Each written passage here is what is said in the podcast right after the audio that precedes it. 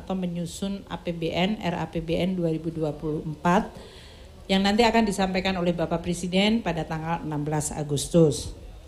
Seperti diketahui tadi kami sampaikan bahwa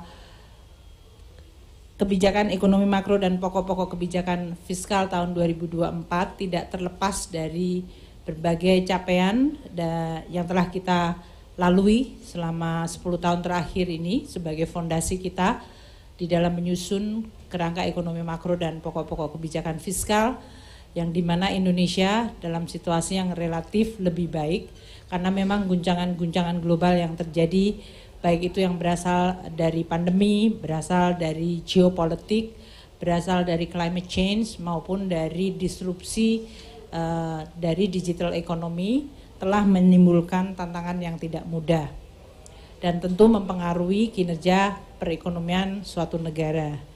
Indonesia terus mewaspadai berbagai tantangan eksternal tersebut dan di sisi lain Indonesia juga memiliki berbagai tugas tantangan untuk memperbaiki fondasi secara struktural perekonomian Indonesia. Seperti yang telah disampaikan oleh Bapak Presiden berkali-kali yaitu infrastruktur yang masih tertinggal, Indonesia yang harus terus meningkatkan kebijakan, regulasi dan birokrasi yang makin efisien dan juga dari sisi kualitas sumber daya manusianya. Ini yang menjadi latar belakang dan merupakan kerangka bagi kita untuk menyusun kebijakan fiskal sebagai salah satu instrumen makroekonomi dan arah-arah dari pembangunan nasional yang akan dicapai dengan instrumen APBN.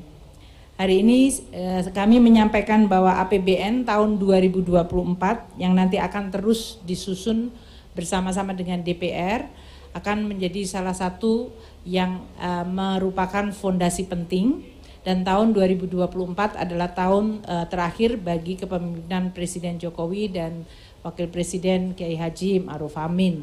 Oleh karena itu, berbagai fokus untuk terus menjaga dan meningkatkan kemampuan untuk mencapai strategi dan uh, berbagai target uh, ekonomi dan pembangunan nasional akan diupayakan. Uh, untuk perkembangan uh, ekonomi nasional sendiri dengan pertumbuhan kuartal 1 yang cukup baik yaitu di 5,03, inflasi yang menurun dan neraca pembayaran kita terutama dari sisi ekspor minus import masih mengalami surplus. Ini memberikan dukungan yang cukup baik bagi kita untuk menyusun APBN 2024. Namun kita juga waspada bahwa tren perlemahan global sedang dan terus terjadi. Inflasi global yang tinggi dan suku bunga tinggi juga perlu kita waspadai dampaknya terhadap likuiditas yang ketat serta cost of money yang sangat tinggi.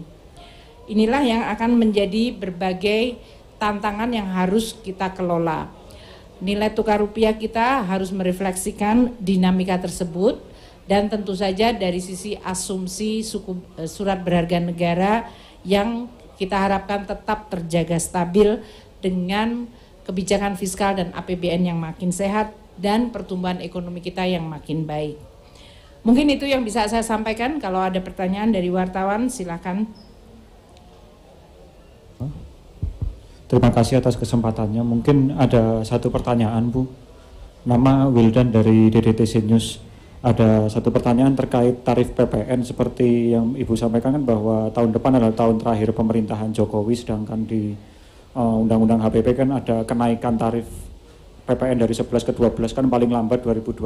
Apakah itu akan diterapkan mulai tahun depan atau masih 2025 mengingat 2025 kan presidennya udah udah ganti gitu. Terima kasih.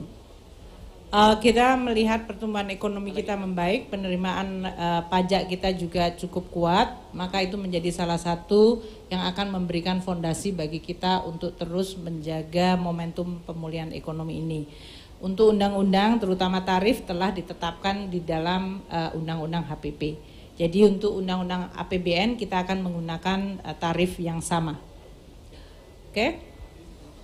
Uh, perkenalkan saya Dendi dari Media Kontan. Izin bertanya Bu, kemarin Pak Dirjen Bea Cukai bilang kalau penerapan cukai manis itu akan masuk ke kerangka 2024. Nah, itu bagaimana Pak untuk di tahun depan? Apakah bakal diterapkan? Terima kasih Bu. Beberapa kali sudah dilakukan pembahasan juga dengan DPR mengenai satu uh, di satu sisi kita akan melihat bahwa cukai menjadi alat untuk mengendalikan konsumsi untuk barang-barang yang dianggap berbahaya seperti rokok dalam hal ini, kemudian uh, pemanis uh, dan juga plastik. Uh, untuk penerapannya kita nanti akan diskusikan dengan DPR di dalam kerangka RAPBN 2024 yang sedang kita susun. Gitu ya? Ada lagi? Bu, uh, Stefano Bu dari Reuters. Uh, pertanyaan pertama untuk uh, rupiah Bu, asumsinya ini kan uh, menguat ya Bu ya di, di asumsi yang sekarang dibanding yang waktu Ibu bilang di setelah rapat kabinet lebih menguat. Terus juga bonil juga lebih uh, lebih rendah gitu. Boleh diberikan elaborasi Bu mengapa ada perubahan tersebut? Kemudian mau nanya Bu untuk sedikit di luar sedikit Bu untuk BSI Bu. Ini apakah udah ada asesmen terakhir dari KSSK Bu atau dari Kemenkyu mengenai hal ini? Terima kasih. Untuk APBN 2024, kisaran nilai tukar tadi adalah 14.700 hingga 15.300. Dalam kondisi 2022 dan hingga bulan Mei ini, uh, rupiah kita relatif tadi yang kita, saya sebutkan high performer karena secara eksternal kita cukup baik di mana tadi saya sebutkan neraca perdagangan ekspor import kita membaik dan sudah terjadi capital inflow lagi. Ini menimbulkan dukungan fondasi bagi rupiah kita untuk tetap terjaga stabil. Kita semuanya tahu bahwa Bank Indonesia terus melakukan kebijakan di dalam menjaga stabilitas, baik itu stabilitas dari sisi inflasi, harga maupun nilai tukar. Jadi dari sisi asumsi untuk tahun depan sesuai dengan pembahasan bersama kita tetap menggunakan range, namun dengan uh, kinerja eksternal kita yang cukup baik dan capital inflow yang juga meningkat, ini juga memberikan fondasi yang baik bagi pembahasan uh, menyangkut asumsi nilai tukar.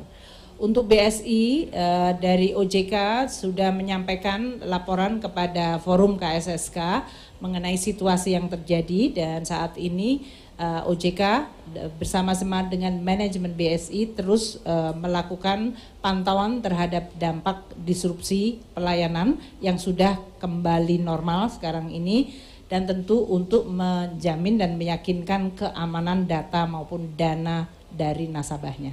Itu ya. Satu Terima lagi kasih. Bu. Satu boleh Bu. Iya. Uh, Aziz dari Kata Data Bu, saya mau konfirmasi terkait uh, arah kebijakan belanja tahun depan. Apakah pemerintah mempertimbangkan untuk kenaikan gaji PNS Bu untuk kebijakan belanja? Terus yang kedua terkait tax rasio tahun depan berapa ya Bu? Terima kasih. Tadi telah saya sampaikan mengenai tax ratio yang akan kita uh, sampaikan pada tahun depan yaitu antara berapa tadi? 11,05 untuk pendapatan bukan tax ratio ya total pendapatan. Nggak usah pakai tax ratio. Pendapatan kita aja ya tadi yang telah saya sampaikan di dalam pidato. Nanti bisa dilihat lagi ya. Uh, demikian kayak yang kedua apa tadi nanti kita lihat Bapak Presiden yang akan menyampaikan untuk Undang-Undang APBN. Gitu ya. Hari ini fokusnya pada kebijakan ekonomi makro dan pokok-pokok kebijakan fiskalnya. Makasih. Yep. Makasih.